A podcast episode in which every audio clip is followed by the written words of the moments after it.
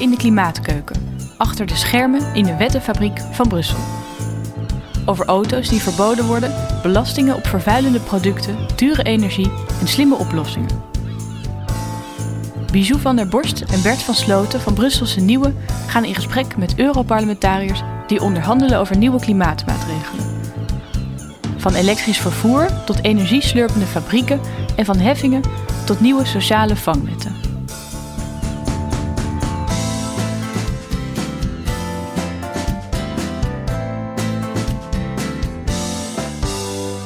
Welkom bij de podcast met de klimaatonderhandelaars van Brusselse Nieuwe en het Europese Parlement. We hebben al gesproken met Jan Huytema, Mohamed Shahim, met Esther de Lange.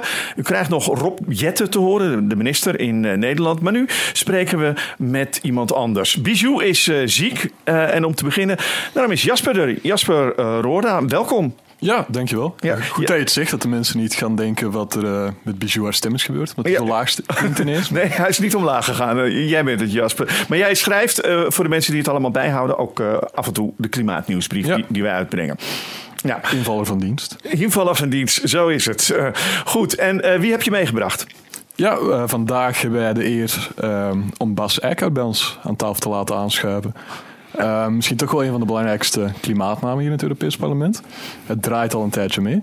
Als uh, Wikipedia mij niet heeft voorgelogen, zit hij al sinds 2009. Wikipedia klopt altijd. Ja, ja. voilà. Precies. Bas Eickhout uh, van De Groenen, maar in Nederland van uh, GroenLinks.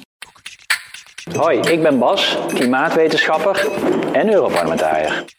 Natuurbeleid komt uit Brussel, klimaatbeleid, nou we hebben het over zonne-energie gehad. Landbouwbeleid, ook dat komt uit Brussel.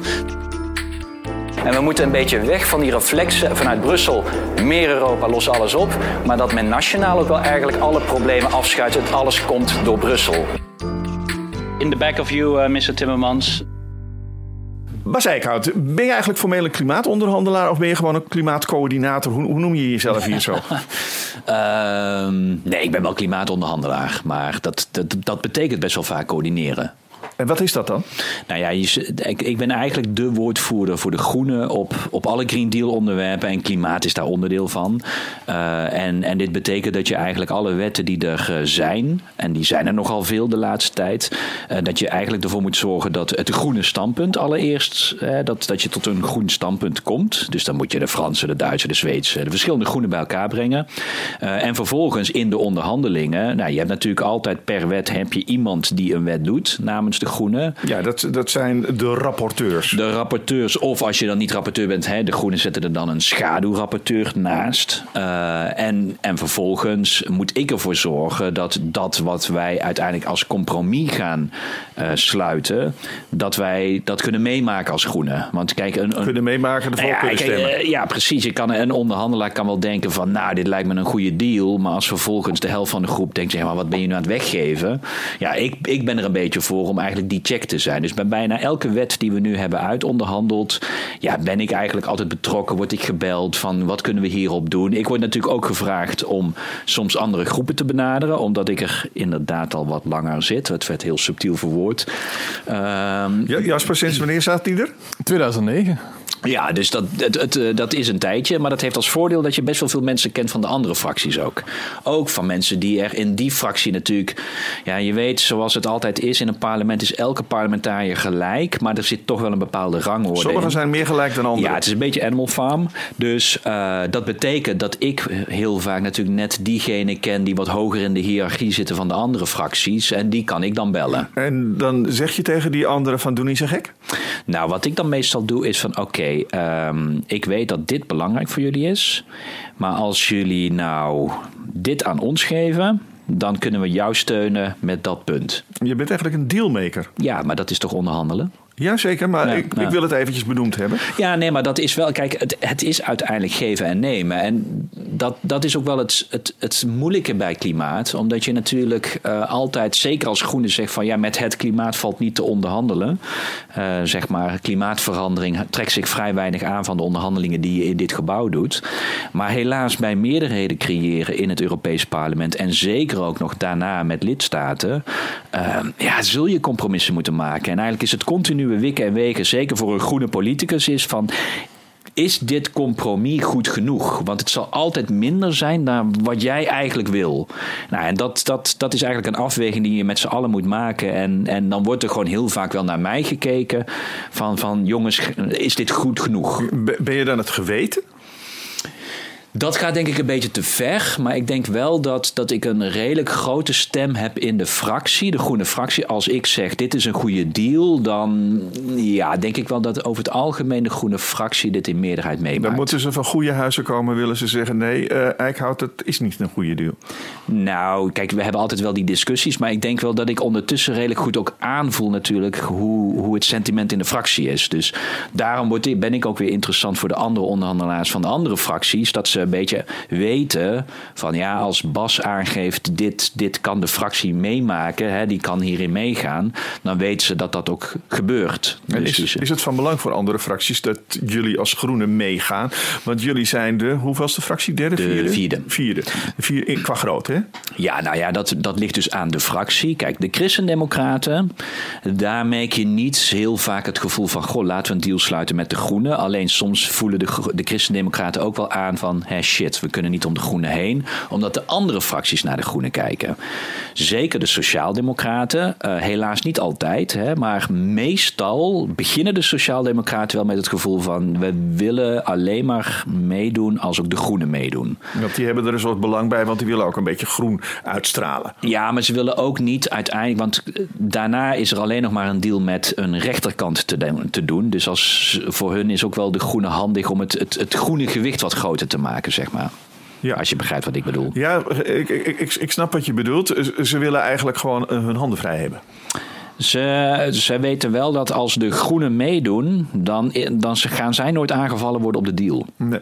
En, en als je uh, tegen zo'n uh, deal bent, je denkt, nou, dat is toch allemaal, het zakt er net door, doorheen. Ja. Heb je er een voorbeeld van? Ja, de klimaatwet. Eh, wat best wel een grote discussie was die we hadden in de groep. Uh, waarin, uh, want dat is natuurlijk altijd het lastige. Daarin werd klimaatneutraliteit voor 2050 uh, geregeld in de wet. Dus je kan heel erg zeggen: nou ja, groene jongens, hoe kun je daar nou op tegen zijn? Ik weet ook dat Frans Timmermans, de eurocommissaris, verantwoordelijk voor de Green Deal, die was ook niet blij dat wij als groenen tegen de klimaatwet hebben gestemd. Um, maar ons punt was heel erg van ja, het is wel ambitieuzer dan wat we tot nu toe hebben gedaan. Maar we leggen hier in de wet eigenlijk gewoon ons vast op waar wij naartoe gaan als Europa. En de wetenschap, wil je beneden die anderhalve graad blijven, laat gewoon heel duidelijk zien dat je dan eigenlijk in 2040 al klimaatneutraal moet zijn. Ja, dat, als je dit in een wet 2050 gaat vastleggen, wordt het ook heel moeilijk om dat nog ooit aan te passen. Dus daarmee hebben we ons vastgelegd. En ja, de goede kant is, je legt je juridisch bindend vast op lange termijn doelen. Maar eigenlijk onvoldoende om beneden de anderhalve graad te blijven. Dus dat was een hele forse discussie in onze fractie. Van gaan we nou meestemmen omdat je juridisch vastlegt? En wat goed is? Of zeg je van nee, dit is toch dusdanig belangrijk dat je hem wel meteen goed moet vastleggen en dan is dit onvoldoende. Nou, die laatste lijn heeft, uh, had de meerderheid in de groep.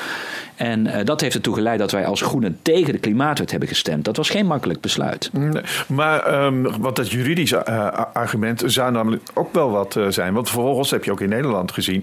Als je dan een proces gaat voeren, dan heb je ook iets in handen. Ja, maar kijk, het interessante was dat de Nederlandse klimaatwet had iets meer in zich. Dat, dat er ook een soort review in zat om de doelen aan te scherpen. Dat zit echt minder in de Europese klimaatwet. Eigenlijk die klimaatneutraliteit 2050 is wel redelijk vastgelegd. Dus het enige waar je nog speelruimte is, het pad naar 2050 toe. Maar ik zie niet echt hele duidelijke mogelijkheden. Er zit natuurlijk altijd een review in.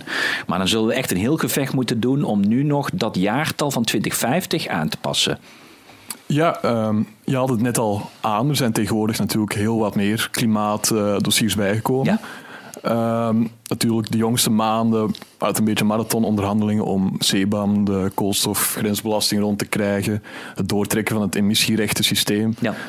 Um, neem aan, dat zijn allemaal dingen die jij wat overziet. Mm Als je nu uh, terug zou moeten kijken naar de ontwikkelingen van het afgelopen jaar, wat, wat zou je dan zeggen wat de belangrijkste daarbij zijn? Nou, ik denk dat, uh, kijk, hoe dan ook, dat emissiehandelssysteem is natuurlijk altijd wel een soort kern van, van, uh, van het klimaatbeleid van de Europese Unie. Omdat dat de doelen neerzet voor de hele Europese industrie.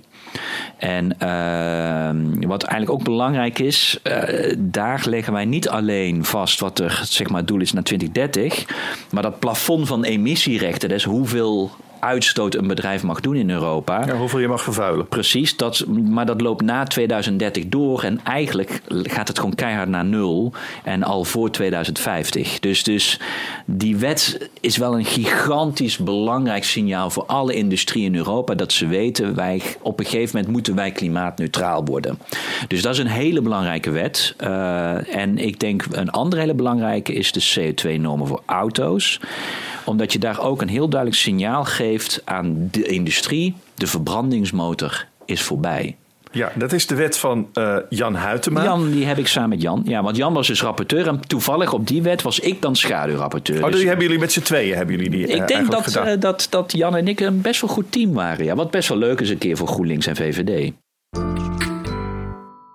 Wat het inhoudt is dat de transportsector, in dit geval uh, auto's en bestelwagens, ja, dat, die, dat die geen CO2 meer uitstoten op een gegeven moment. Uh, en dan moet je op een gegeven moment beginnen. Uh, en wij zeggen vanaf 2035 uh, mogen nieuwe auto's en bestelauto's geen CO2 meer uitstoten. En op het begin dacht ik zoiets van ja, dat betekent dus feitelijk dat benzine- en dieselauto's uh, niet meer op de weg mogen, of in ieder geval niet meer nieuw verkocht worden. En als VVD'er had ik wel zoiets van ja, moeten we dat doen natuurlijk. Hè? Dus ik had op het begin een heel ander ingangspunt, of uitgangspunt moet ik het zeggen. En was ik daar helemaal niet zo voor. Maar omdat we ja, onderhandeld hebben en je spreekt met, met de auto-industrie, met verschillende stakeholders, uh, vond ik het toch een goed, uh, goed idee. Is dat niet best moeilijk in deze tijden om dat als uh, groene politicus naar het publiek toe te vertalen nu de energieprijzen zo hoog liggen. Ik denk dat er best wel mensen zijn die nu zoiets hebben van ja, misschien toch even wachten nu. Ja, kijk, dat ligt dus aan, je, aan welk, welk thema je het over had. Kijk, bij die C2 en auto's uh, denk ik juist dat je heel erg duidelijk ook het punt kan maken dat uh, als je nu duidelijkheid verschaft voor de auto-industrie, waar moet je naartoe gaan, dan wordt er juist extra geïnvesteerd in elektrische auto's. Dat heeft een effect op de aanschafprijs en dat zien we nu al, hè, dat de aanschafprijs van elektrische auto's naar beneden gaat. En in gebruik als het goed is, dat was natuurlijk dit jaar of afgelopen jaar even anders. Maar dat is een redelijk unieke. Dat elektrisch gebruik bijna nog duurder was dan benzine- en dieselgebruik. Maar over het algemeen, juist de switch naar elektrisch gaat je in het gebruik van transport juist heel veel opleveren. Dus daar denk ik dat het verhaal wat makkelijker is. Dat is denk ik ook waarom de VVD hier wat makkelijker in kon opereren. Uh, je hebt wel gelijk bij dat emissiehandelssysteem, wat uiteindelijk een CO2-prijs zet. Dat gaan de mensen voelen in hun portemonnee. Dat gaan de mensen. Ja, je zet gewoon een. Ja, je, vervuiling krijgt een prijs en die vervuilingprijs gaat dus omhoog. Ja, dat gaan mensen merken en voelen. En um, dan weet je wel dat wat wij nu hervormen pas echt een effect gaat hebben in 2025, 26, 27. Maar goed. Het komt wel nu al in de media. Precies. Polit en politici um, zitten nu te onderhandelen dat ze weten, ja, dit is vooral iets wat in 2026, 27 een effect gaat hebben. Maar toch, het verhaal is de energie gaat duurder worden. Mm -hmm. Ja, dat in een jaar waarin de energieprijs al krankzinnig hoog is, maakt het debat en maakt de onderhandelingen een stuk moeilijker. Absoluut. Mm -hmm. Maakt het het moeilijker? Want je kan ook zeggen, het maakt het makkelijker, omdat de uh, noodzaak in ieder geval nu gevoeld wordt. Nee, het maakte de onderhandelingen moeilijker. Omdat, uh, en dat merkten we heel erg bij de industrie, eigenlijk voor 24 februari vorig jaar, dus voor de, de, de oorlog. oorlog startte in, uh, in Oekraïne merkte je dat er veel meer industrie zoiets had van we weten, we moeten klimaatneutraal worden. Uh, en eigenlijk bijna het verzoek neerlegde over politici, geef ons helderheid. Zorg ervoor dat wij weten waar we aan toe zijn. Um, door de oorlog merkte je gewoon vorig jaar dat de industrie er, ging zoveel schuiven tegelijkertijd. Hè. De aanvoerlijnen, energie niet alleen. Uh, sowieso hadden we al problemen met de aanvoerlijnen uit China door corona. Uh, daar kwam dus de energieaanvoerlijnen uit Rusland bij. Een energieprijs die ongelooflijk ging fluctueren. Onzekerheid over de toekomst. En dan daarbovenop klimaatbeleid voeren, die dan ook nog eens een CO2-prijs gaat geven. Toen merkte je ineens dat de industrie heel erg terughoudend werd. Dus de pose, ook de, zeg maar de meer. Uh, je hebt ook bij industrie verschil tussen de progressieve en conservatieve bedrijven. Wat wij gewoon bemerkt is na de oorlog zijn eigenlijk alle bedrijven wat stiller geworden op het klimaatdebat. En dat maakt dan een klimaatwet maken en, dit, en dan emissiehandel, maakt het gewoon moeilijker. Maar stiller, uh, ze zeggen niks meer of komen ze langs en zeggen ze, uh, doe het een beetje rustig aan? Ik denk dat je het kan zeggen als dat de progressievere bedrijven die eerst gewoon opriepen van jongens, geef ons klimaatambitie, werden stiller. En de bedrijven die eigenlijk voelden van we kunnen eigenlijk niet meer publiekelijk zeggen dat, je, dat, dat, dat het wat rustiger aan moet met klimaat, die zijn juist wat meer de trom gaan roeren. Je ziet gewoon een verschuiving. De kansen, en die gebruiken dan Oekraïne als argument. Ja, precies. Nou heb je ook bedrijven eh, en die zeggen... ja, maar het is allemaal zo ongelooflijk veel. Hè? Als je het bijvoorbeeld hebt over die uh, emissierechten. Het recht om te mogen uitstoten. We zijn uh, langs geweest bij een, bij een steenfabriek. En die zeggen, waarom moeten wij nou ook weer daaraan voldoen? En wat zoveel stoten we allemaal niet uit? We moeten ook recht inkopen, we hebben er niet voldoende. Dus uh, ja, dat zal uh, kostprijs verhogend werken. Uiteindelijk uh, is de kostprijs omhoog, gaat de prijs voor de klant ook omhoog. Dus uiteindelijk is iedereen hier de dupe van. Ja, door dit systeem met deze emissierechten. Nee, maar je stoot wel uit. En dit is natuurlijk het hele punt. alle politici, tot en met Rutte aan toe, hebben beloofd: wij als Europa gaan klimaatneutraal worden ik heb echt het gevoel dat nog steeds een hele hoop politici niet echt doorhebben wat dat betekent. Want de hele economie klimaatneutraal betekent dat alles flink terug moet in de uitstoot. Niet elke sector kan naar nul. Denk even aan de landbouwsector. Dat is gewoon landgebruik. Uh, koeien lopen rond, die stoten altijd wat uit. Nou, weet ik, Wageningen is bezig om te kijken om zelfs de koe minder te laten uitstoten. Maar het zal niet naar nul gaan. Dus er zijn een aantal sectoren die zullen wat blijven uitstoten. Maar in 2050 moet je klimaatneutraal zijn. Dat betekent dat we in sommige gebieden zelfs negatieve emissies, dus we moeten CO2 gaan vastleggen. Nou, dat heeft ook weer bosbouw, dat heeft allerlei gevolgen. En dat betekent een aantal sectoren moeten gewoon naar nul. En dat geldt eigenlijk voor elke sector buiten de hele moeilijke. Dus heel veel van die industriesectoren moeten naar een nul uitstoot. Dus ook, ja, ook de steenfabrikant. Maar uh, het is wel interessant wat je zegt. Namelijk, heel veel politici hebben eigenlijk niet door wat ze zeggen. Ja. Dat is de conclusie. Dat is een hele schok voor je, zie ik. Ja, dat is, eh, nou ja, in, in die zin, eh, ik hoor iedereen is nooit opgevallen dat Rutte in zijn retoriek niet altijd even consistent is? nou gaan we er een jij-bak van, uh, van nee, maken. Nee, ik, Rutte, dat is, een, dat is iemand anders. Ja, nee, nee, nee, nee maar ik wou, ik, ik wou de vraag nog even op tafel leggen. Okay. van, uh, dat politici dus waarschijnlijk, dat is dan de stelling van jou... Uh, te makkelijk zeggen van we moeten klimaatneutraal zijn in 2050... maar misschien ook wel omdat ze dan niet meer politicus zijn. Ik weet niet of het zo of het helemaal zo doordacht is. Ik denk dat zij oprecht wel inzien van we moeten klimaatneutraal worden. Het punt is alleen, vervolgens moet dat beleid vertaald worden naar elke sector. En bijna elke sector zal tegen een politicus zeggen: ja, maar wij hebben iets meer tijd nodig. Dus kun je bij de andere sector beginnen. Er is bijna geen sector die zegt: doe mij maar als eerste.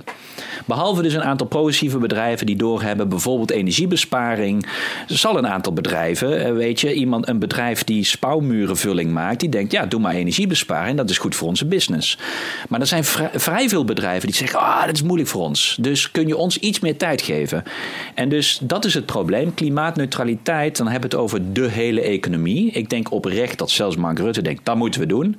Maar dat betekent strikt beleid voor elke sector. En dat betekent tegen de lobby ingaan van elke sector. En daar wringt de schoen bij te veel politici die dan denken: oh, maar dan wil ik niet, dan wil ik niet tegen Shell ingaan. Dan wil ik weer niet tegen Tata Steel ingaan. Dan weer niet tegen die steenfabriek. En als je dat allemaal optelt, ja, dan gaan we niet klimaatneutraal worden, jongens. Ja, Desondanks staan we er op dit moment toch best wel goed voor. Want bijvoorbeeld die doelen om tegen 2030 55% eh, minder te gaan uitstoten in de EU, daar eh, gaan we waarschijnlijk toch al over gaan. Zie je dat dan nou- iets te rooskleurig in? Of? Ja, want dat, kijk, qua, we hebben nu het beleid, hè, dat hele Fit for 55 pakket. Dus dat zijn al die verschillende wetten die ons daar naar 2030 moeten brengen. Um, als je die helemaal goed implementeert, ja, dan gaan wij naar min 55 en zelfs er iets overheen. Uh, het voordeel van het emissiehandelssysteem is dat daarvoor bijna letterlijk geldt: bedrijven zullen wel moeten, omdat gewoon hè, hoeveel rechten ze krijgen, wordt gewoon bepaald en ze kunnen dus niet meer uitstoten. Maar dat is maar ongeveer 45% van de economie. De andere 55% komt door kleinere bedrijven die buiten emissiehandel vallen. Uh, dat gaat bij landbouw, Natuurlijk weer landbouw. Uh, dat is de bebouwde omgeving, gewoon huizen. En dat is trans transport. Daarvoor hebben we heel veel nationale doelen en moeten dus landen beleid gaan maken. Daar wordt het echt nog wel spannend. En helemaal, kijk, ik denk dat wij wel die min 55 gaan halen in 2030. Maar daarna moeten wij dus naar min 100 procent in 2050. En dat is een gigantische opgave voor een aantal sectoren. We ontkomen er niet aan dat landbouw iets moet gaan doen. En wat je nu al ziet is de komen tot 2030 veel landen die denken de landbouwsector gaan we daar buiten houden.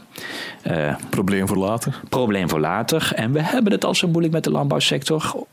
Terwijl ik denk, laten we even gaan kijken waar is er nu echt wetgeving op de landbouw. Dat valt echt bar tegen. Je hebt niet zoveel sympathie daarvoor? Ik vind het argument dat de landbouwsector zo overgereguleerd wordt, dan zou ik heel graag bij de, de LTO's van deze wereld de vraag terugleggen. Noem maar eens even welke wetten nou echt waar jullie last van hebben. Dan noemen ze heel vaak ja, de bureaucratie om subsidies te krijgen. De waterrichtlijn. Die pas in 2027 eh, gaat tellen. Of dan wordt het meetmoment. En tot nu toe heeft Nederland qua implementatie nog bar weinig gedaan. Wij Alles weten, met Natura 2000. Daar zijn we dus nu pas tegen rechtspraak. Via de rechter komen er nu tegenaan omdat het beleid niets heeft gedaan. En daardoor we nu door de rechter uh, worden opgeroepen iets de te doen. De nitraatrichtlijn. Dat is het, uh, daar een onderdeel van. Ja, uh, kortom, ze zeuren. Het, het beeld dat opgeroepen wordt dat wij zo keihard voor de landbouwsector zijn, is echt onzin. Want even, even het stikstofdebat, klein uitstapje. Wat is nou echt concreet gebeurd? We praten nu al een aantal jaren over stikstof. Welk beleid is nu keihard veranderd dat wij 100 op de snelweg rijden? Ja, wij rijden 100 op de snelweg. Ja, dat is niet de landbouwsector, hè? Nee, maar dat is een onderdeel daarvan. Want als we geen 100 op de snelweg zouden rijden, zo is de redenatie van het kabinet geweest, mhm. dan kunnen we niet meer bouwen, want er is geen ruimte voor stikstof. En dan kunnen de boeren ook niet meer boeren. Ja, maar dus die regel is ingesteld, omdat we ook niet meteen iets deurden bij de landbouwsector. En bij de landbouwsector is afgesproken vrijwillige uitkoop, waarvan we toen al zeiden dat gaat niet werken. En waar we nu achter komen, hé, hey, dat is niet aan het werken. Ja, maar goed, daar. daar, daar zijstapje, maar om even aan te, om aan te Je, hebt je, beeld, je, hebt je punt gemaakt. Beeld uh, mag wat Maar e- e- even terug dan naar, ja. uh, want je zei net van de lidstaten, en daar verwacht je nog wel heel wat discussies van. Ja. welke, welke concrete discussies gaan er dan komen? En komen die hier ook vandaan? nou, deels wel. Kijk, sowieso dat pakket om ons naar die min 55% te brengen in 2030. we hebben dus emissiehandel, maar je hebt dus die sectoren die niet onder emissiehandel vallen, die hebben gewoon een nationaal doel. Dus elk land heeft een nationaal doel gekregen. En die moet een land dus gaan invullen en zal dan met name eigen beleid moeten maken op landbouw, transport en bebouwde omgeving. Bij transport denk ik dat je niet ontkomt aan een debat rondom beprijzing. Nou hebben we een deel daarvan Europees geregeld, maar dat is echt een, een klein gedeelte. De grotere discussie zal bijvoorbeeld in Nederland rekeningrijden zijn. Nog zo'n debat. Hoe, hoe lang praten we over rekeningrijden? Daar praten we al heel erg lang over. En hoeveel is er gebeurd op rekeningrijden? Uh, nou, er zijn heel wat proeven geweest, dus ze zijn allemaal gesneuveld. ja, maar, ja, maar dat bedoel ik dus. Maar wij ontkomen er niet aan om op een gegeven moment echt toch weer dat rekeningrijden debat in Nederland te voeren. Maar is dat dan iets wat Europees, vanuit Europa, vanuit Brussel, vanuit het parlement, uh, de commissie komt? Of is dat iets wat Nederland zelf moet doen? Nederland heeft mede getekend voor de doelstellingen voor 2030.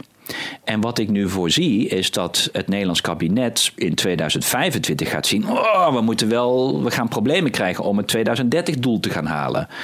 En gaan wij dan ook echt dingen doen om ervoor te zorgen dat we in 2030 dat doel halen? Of gaan we vragen om, om uitstel, derogatie? Nee, want dat kan niet. Dus je krijgt op een gegeven moment uh, ook gewoon dat je in 2030 bijvoorbeeld uh, boetes moet gaan betalen. Of wat Duitsland de afgelopen periode heeft gedaan. Duitsland heeft haar 2020-doel niet gehaald. En die heeft gewoon wat extra rechten gekocht van landen die te veel hadden gedaan. Dus die hebben andere landen geld gegeven. Ja, dus er gebeurt wel wat dan. Ja, ja, maar ik ben ook nooit degene die zegt dat uh, Europese wetten niks voorstellen. Nee, dat, maar dat was niet hetgene wat ik, wat ik zei. ik, ik vroeg uh, namelijk of er dan inderdaad een, een soort druk kwam vanuit. Uh, ja, die gaat er komen. Maar dan dus terug naar mijn punt dat ik inderdaad denk dat wij wel in 2030 min 55% gaan halen. Maar de grote vraag is: gaan wij voldoende verandering in gang zetten zodat wij in 2050 ook echt klimaatneutraal worden? Want dat wordt spannend. Want wij moeten dus qua transport echt naar een ander transportsysteem. Dan moeten we onze luchtvaart veel serieuzer aanpakken dan we nu doen. Bebouwde omgeving, gigantische eh, isolatiecampagne. En de landbouwsector. Ja, dat is al een paar keer genoemd. Dus ik denk dat dat punt nu wel he- heel helder is. Maar wat moet er dan nog gebeuren vanuit Europa? Komen er dan nog, eh laat me zeggen, Timmermans en de opvolgers van Timmermans... komen die dan nog met nieuwe voorstellen? Of, of staat het raamwerk wel? Nee, kijk, zo nu, sowieso hebben we nu natuurlijk eigenlijk pas alleen wetgeving tot 2030 in beeld gezet. Dus dat betekent dat er sowieso de opvolgers van Timmermans met een pakket gaan komen voor 2040. Wat een stap moet zijn naar die klimaatneutraliteit in 2050. Dus dit hele debat zal we, zullen we nog een keer. En dan wordt het echt steeds moeilijker. Hè? Je moet echt gaan nadenken. 2040 moeten wij ongeveer als Europa op min 85% zitten. Dat betekent echt dat een aantal sectoren eigenlijk al tegen de nuluitstoot moeten zitten. En vooraan 2040, denk aan onze energiesector. Als onze energieopwekking niet naar een nuluitstoot gaat, dan gaat de in, het, industrie die die energie moet gaan gebruiken wel heel moeilijk naar nul kunnen. Dus in 2040 hè, moet het eigenlijk gaan hebben over een nuluitstoot van de hele energieopwek. Nou, dat is een debat. Dat voeren we nu nog mondjesmaat. Dat zal een grote discussie worden. Uh, ik denk dat we nog op transport echt nog wel een aantal uh, extra discussies gaan krijgen. Want nu hebben we het over auto's gehad. Heel binnenkort komt er ook een voorstel voor vrachtwagens. Want op de weg hebben we nog heel wat te doen. Maar dan komt er nog scheepvaart, luchtvaart. Dat zijn hele grote discussies. En ik denk ook echt een grote discussie is onze bebouwde omgeving. Eigenlijk onze hele. Hè, daar, daar zit nog heel veel energiewinst te halen. En dat betekent gewoon uh, beter isoleren van huizen en dergelijke? Of ja, maar ook echt. anders? Een, nou, dat is meer dan. Dat zal echt massieve renovatieprojecten worden. En dat zal echt nationaal moeten worden ingevuld. Maar dat, dat zal zeker een debat zijn dat ook vanuit Europa uh, nog, nog gaat komen de komende jaren. Dat lijkt nu al wat vast te lopen, toch? Er ligt nu een. Uh, wij zijn nu met een wet daarop bezig. Hè, de Energy Performance of Buildings. Uh, dus de, het energiegebruik van gebouwen. Ja, wat je nu eigenlijk al ziet door het verzet ook vanuit hier in het parlement de Christendemocraten, is dat we nu al zien dat die hervorming. On, dat die eigenlijk, je weet nu al dat die over vijf jaar herzien moet gaan worden. Ja. Ja. Maar dat was toch al een richtlijn die dan uiteindelijk was afgezwakt naar enkel commerciële gebouwen? En... Nou, dat zit in de energiebesparingsrichtlijn. Deze is specifiek op gebouwen. Dat gaat in principe wel alle gebouwen halen. Uh, dat betekent dat alle gebouwen zeg maar, op energielabel steeds beter moeten presteren. Maar het politieke compromis gaat naar nog te veel uitzonderingen. En uiteindelijk zal dat ook aangepakt moeten worden. Uh, dus ja, je ziet nu al in dat, dat daar een review in 2000 pak een beetje 26, 27 ja. gaat komen. Als ik dat zo hoor, dan is er een uh, sterke man of vrouw nodig uh, na Timmermans om dat allemaal aan te pakken. We zijn nog niet klaar na volgend jaar, absoluut niet. Nee. nee ben je beschikbaar? Nee. Ik ben altijd beschikbaar. Ja, nee, maar is dat iets wat je zou, zou willen? je bedoelt eurocommissaris? Ja, nou ja, dan, dan trek je aan de touwtjes echt. Ja, maar ik, ik moet zeggen, ik vind ook echt in het Europees Parlement kun je ook een hele bereiken. Dus, dus, maar ik vind, ja, weet je, dit werk in, het Euro, in de Europese arena vind ik wel echt geweldig. Ja, dus je gaat door als ik dat zo een beetje hoor. Ja, maar daar komen, er komen ook gewoon hele andere afwegingen. Je moet op een gegeven moment ook gewoon, hè, je moet ook weten wanneer je te oud wordt. Dus, uh, dus, dus uh, ik ga hier nog helemaal geen aankondiging aan doen. Ik snap dat dat leuk is voor de podcast. Het blijft de politiek, hè? Ja, ja, ja maar ik weet ook dan. Dan was het zo'n leuk gesprek, Bas. Ja, maar dan weet ik, dan wordt dat alleen maar het nieuws, weet je. Dat zou ook een beetje jammer zijn van het leuke gesprek volgens mij. Dus uh, ik, ik vind dit werk gewoon echt heel leuk. En, en dus ja, er zijn redenen om door te gaan. Maar er zijn ook redenen om op een gegeven moment te denken... het wordt tijd voor de nieuwe lichting. Dus, dus dat moet ik gewoon Dat heeft Diederik Samson ook gedaan, hè? Ten slotte, zoiets kan je ook doen. Dat, dat kan ook altijd. Ja, weet je, ik geef de, maar een suggestie. Je weet, je weet gewoon nooit hoe, uh, hoe de toekomst gaat. In deze podcast uh, doen we ook nog uh, iets... namelijk, we, we, vertellen zelf wat wij, wat wij doen. Hè? Wat, wat, wat, wat, waar, waar wij heel trots op, mm-hmm. op, op, zijn. dus zal ik eventjes beginnen dat ik... ik ben voorzitter van een voetbalvereniging. En wij gaan over twee weken ledlampen installeren. Gaan we ook openen met hele leuke, uh, met een led voetbalwedstrijd. Krijg je een shirtje aan met ledlampjes. Heel ja, gezellig, ja. in het donker. uh, dat is mijn, uh, ja, laat zeggen, positieve bijdrage aan deze discussie. Jasper, wat heb jij? Ehm, ja, Dan, dan, mag je invallen. Word je gelijk on the spot gezet. Jazeker. Ehm, ja, ik ben een jaartje of zes, zeven vegetariër geweest. En ik moet eerlijk bekennen dat ik het nu een half jaartje aan het laten schieten ben. Sinds je bij ons in er wel bent, om het weer... ja.